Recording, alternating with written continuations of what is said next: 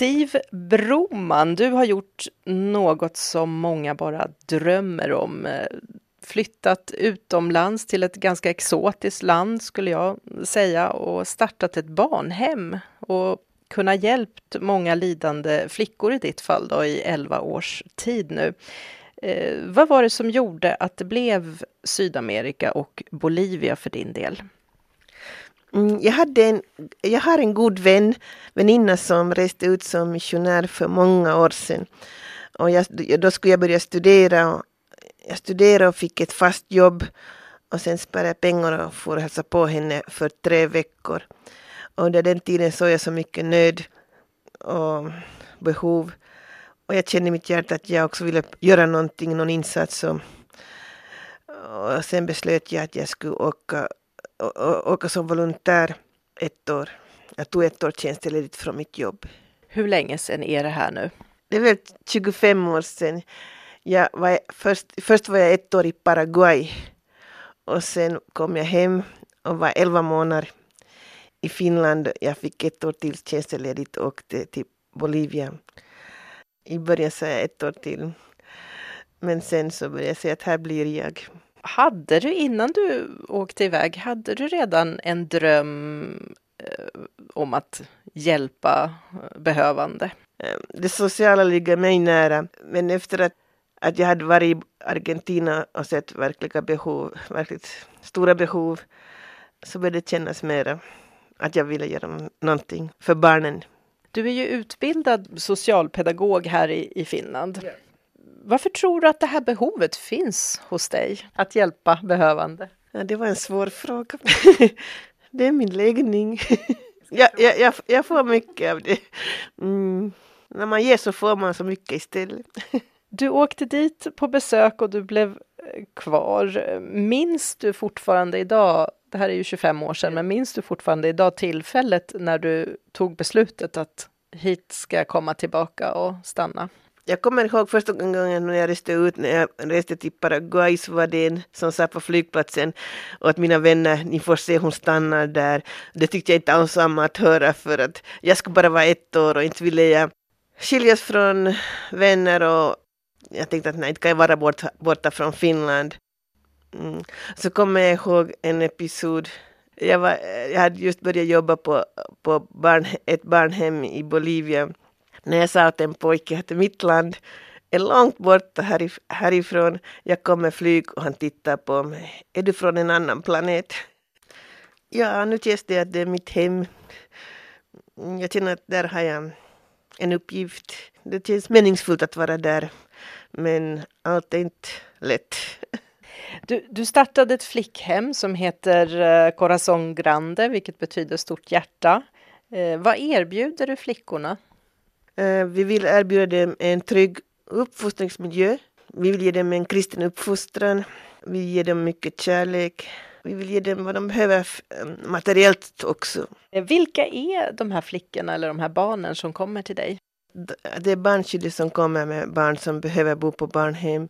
Som, de har olika bakgrunder. Alla har svåra bakgrunder. Ungefär 60 procent har, har varit utsatt för för sexuellt våld eller incest. Och en del, några barn vet vi ingenting om. De kom utan födelsetest. Barn som då har blivit övergivna. Du har ju bilder här på, på och information om, om de här flickorna som bor där nu. Kan du berätta mer om det här? Ja, vi har 20 flickor på hemmet. De har olika bakgrunder då. Här är en, en flicka som hon var sex månader när hon kom till oss. Eh, vi, har inga, vi har ingen information om pappan. Han, han finns inte med alls i bilden. Och mamman är schizofren. Hon hade försökt ta livet eh, och lyckades med ett barn. Och hon vill ha kontakt med henne. Och, hon, flickan har sagt att hon mår inte bra av att se sin mamma. Men barnskyddet har sagt att mamman har rätt att se sin dotter. Men det, det, det är få gånger, men vi har haft problem med mamman. Hon är inte nu med i bilden för tillfället. Och det är en annan flicka som hon hade blåmärken på kroppen, över kroppen när hon kom. Och hon var väldigt skygg. Det gick två veckor, man fick knappt se på henne. Och så sa, jag, så sa jag sen, det var en söndag, vem vill gå ut och gå med mig? Och hon var bland de flickorna och när vi gick ut från porten då tog hon mig i handen och då trodde jag inte det var sant. Men sen, sen hade det börjat gå bra för henne. Det är hon. Och så har vi, vi har också fyra systrar. Eh, och en av dem, den yngsta som kom för flera år sedan, för nästan elva, för elva år sedan, hon var så undernärd att läkaren sa att skulle ha varit två veckor längre hemma kanske hon inte skulle ha överlevt. Att alla har olika bakgrund. Många tragiska historier. Och de ser ju väldigt välmående måste jag säga nu när jag tittar på de här bilderna som du visar upp här. Ja, vi sköter så bra om det som vi kan. Också den, den flickan som var undernärd, för sen efter några veckor kom läkaren och han sa att det ser, inte, det ser ut som det inte skulle vara samma flicka längre. Barnhem är det viktigaste för mig och, och barnen där. Men jag jobbar också på Frälsningsarméns fadderkontor. Frälsningsarmén har, har, ett, har ungefär 17 dagcenter och fyra barnhem runt om i Bolivia. Att jag jobbar från måndag till fredag där. Men jag bor i samband med, med barnhemmet jag ser dem in på, till barnhemmet på morgonen och på kvällen och ser att allt fungerar som det ska. På veckosluten är jag mera med flickorna. Och så, så, har vi en styrelse också, så vi, ibland har vi styrelsemöte och funderar hur vi, hur vi kan be, förbättra barnhemmet och vilka problem vi har och starka sidor vi har och vilka utmaningar vi har. Mm, så sysslar jag lite, eller går jag på aerobicus några, några gånger i veckan för att ja, det gör, det gör gott det. Vad är din dröm, eller hur ska man kalla det för vision med ditt arbete? Min dröm är att det ska gå bra för alla, för alla flickor som hos, bor hos oss. Jag vill se goda resultat och jag hoppas kunna fortsätta. Vi hoppas kunna fortsätta med, med vårt arbete på Corazon Grande. Hur, hur tycker du att framtidsutsikterna ser ut för de här flickorna som, som bor där nu? Jag tror att det kan gå bra när de själva bjuder till. Jag brukar säga att flick, unga flickor i Bolivia att det är väldigt viktigt att ni studerar och får er utbildning. Då, kan, då eh, respekterar också mannen. Om, du gifter, om ni gifter er så respekterar mannen er mycket mera. Annars säger de att det är jag som försörjer dig. Det, det är du som du ska lyda mig. Utan mig är du ingenting. Så, så utbildning är väldigt viktigt för flickor. Det är, väl därför, det är också därför vi jobbar med flickor. Vad skulle du säga är de största svårigheterna med barnen? Eh, är det att få dem att tänka på ett annat sätt eller vad, vad är utmaningarna? Att få dem att tro på sig själva, att tycka om sig själva, att de inte ska känna sig mindre värda för att de har, har inte mamma och pappa. Att de ska tro att de också kan. Att vilja, med viljan kommer man också mycket långt fram och med en Guds tro. Många har lidit mycket och fast det har gått år så behöver de ännu psykologhjälp en del som har haft det väldigt svårt. Hur tar du hand om alla dina känslor som måste komma när du träffar utsatta barn? Uh, vi, vi kan tala om svåra situationer med styrelsen. Någon gång kan jag tala med någon, som jag, någon person som jag har stort förtroende för. Det är viktigt att man inte går ensam och tänker allt för mycket. Det är så mycket jag skulle vilja ändra på, men man måste acceptera situationerna.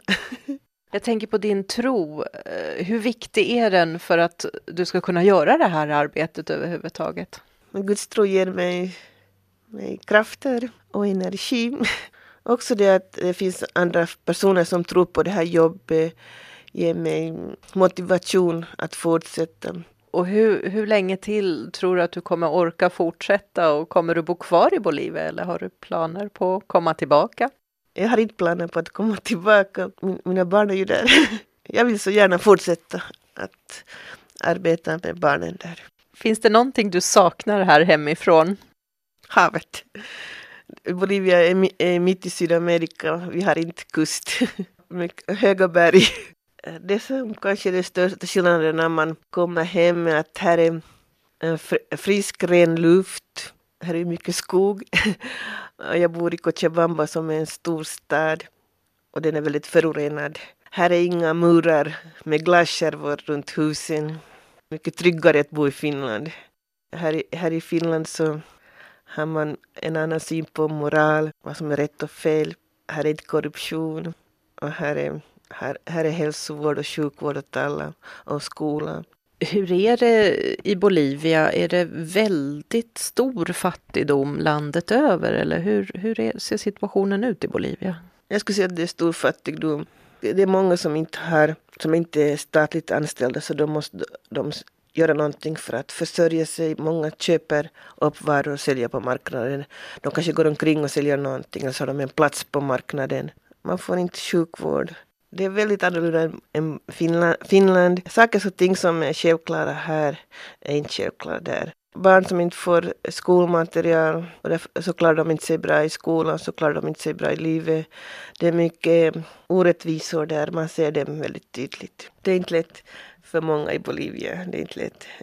Jag tänker på det som sker i Venezuela nu också, att, eh, att folk börjar reagera ganska starkt emot det politiska systemet. La Paz är väldigt är eh, känt för att, att det är demonstrationer, blockeringar varje vecka tror jag. Evo Morales heter presidenten i Bolivia, det är hans tredje period och den slutar i slutet av nästa år. Och det var omröstning förra året, ska han få bli omvald? Och nej vann, just och just var det nej som vann. Men han kanske kan komma med en egen lag att, där han säger att han får bli omvald. Man vet aldrig vad som kan hända ännu. Inte var han nöjd med resultatet. Han skulle gärna sitta längre som president. Men man är nog rädd, man ser hur det har gått i Venezuela. Man är rädd. Men å andra sidan, folk säger att det finns ingen annan stark person som kan ta över. Andra säger, men det ska inte vara några starka personer, det ska vara demokrati. Det ska vara flera personer som bestämmer, en regering som bestämmer och inte en person.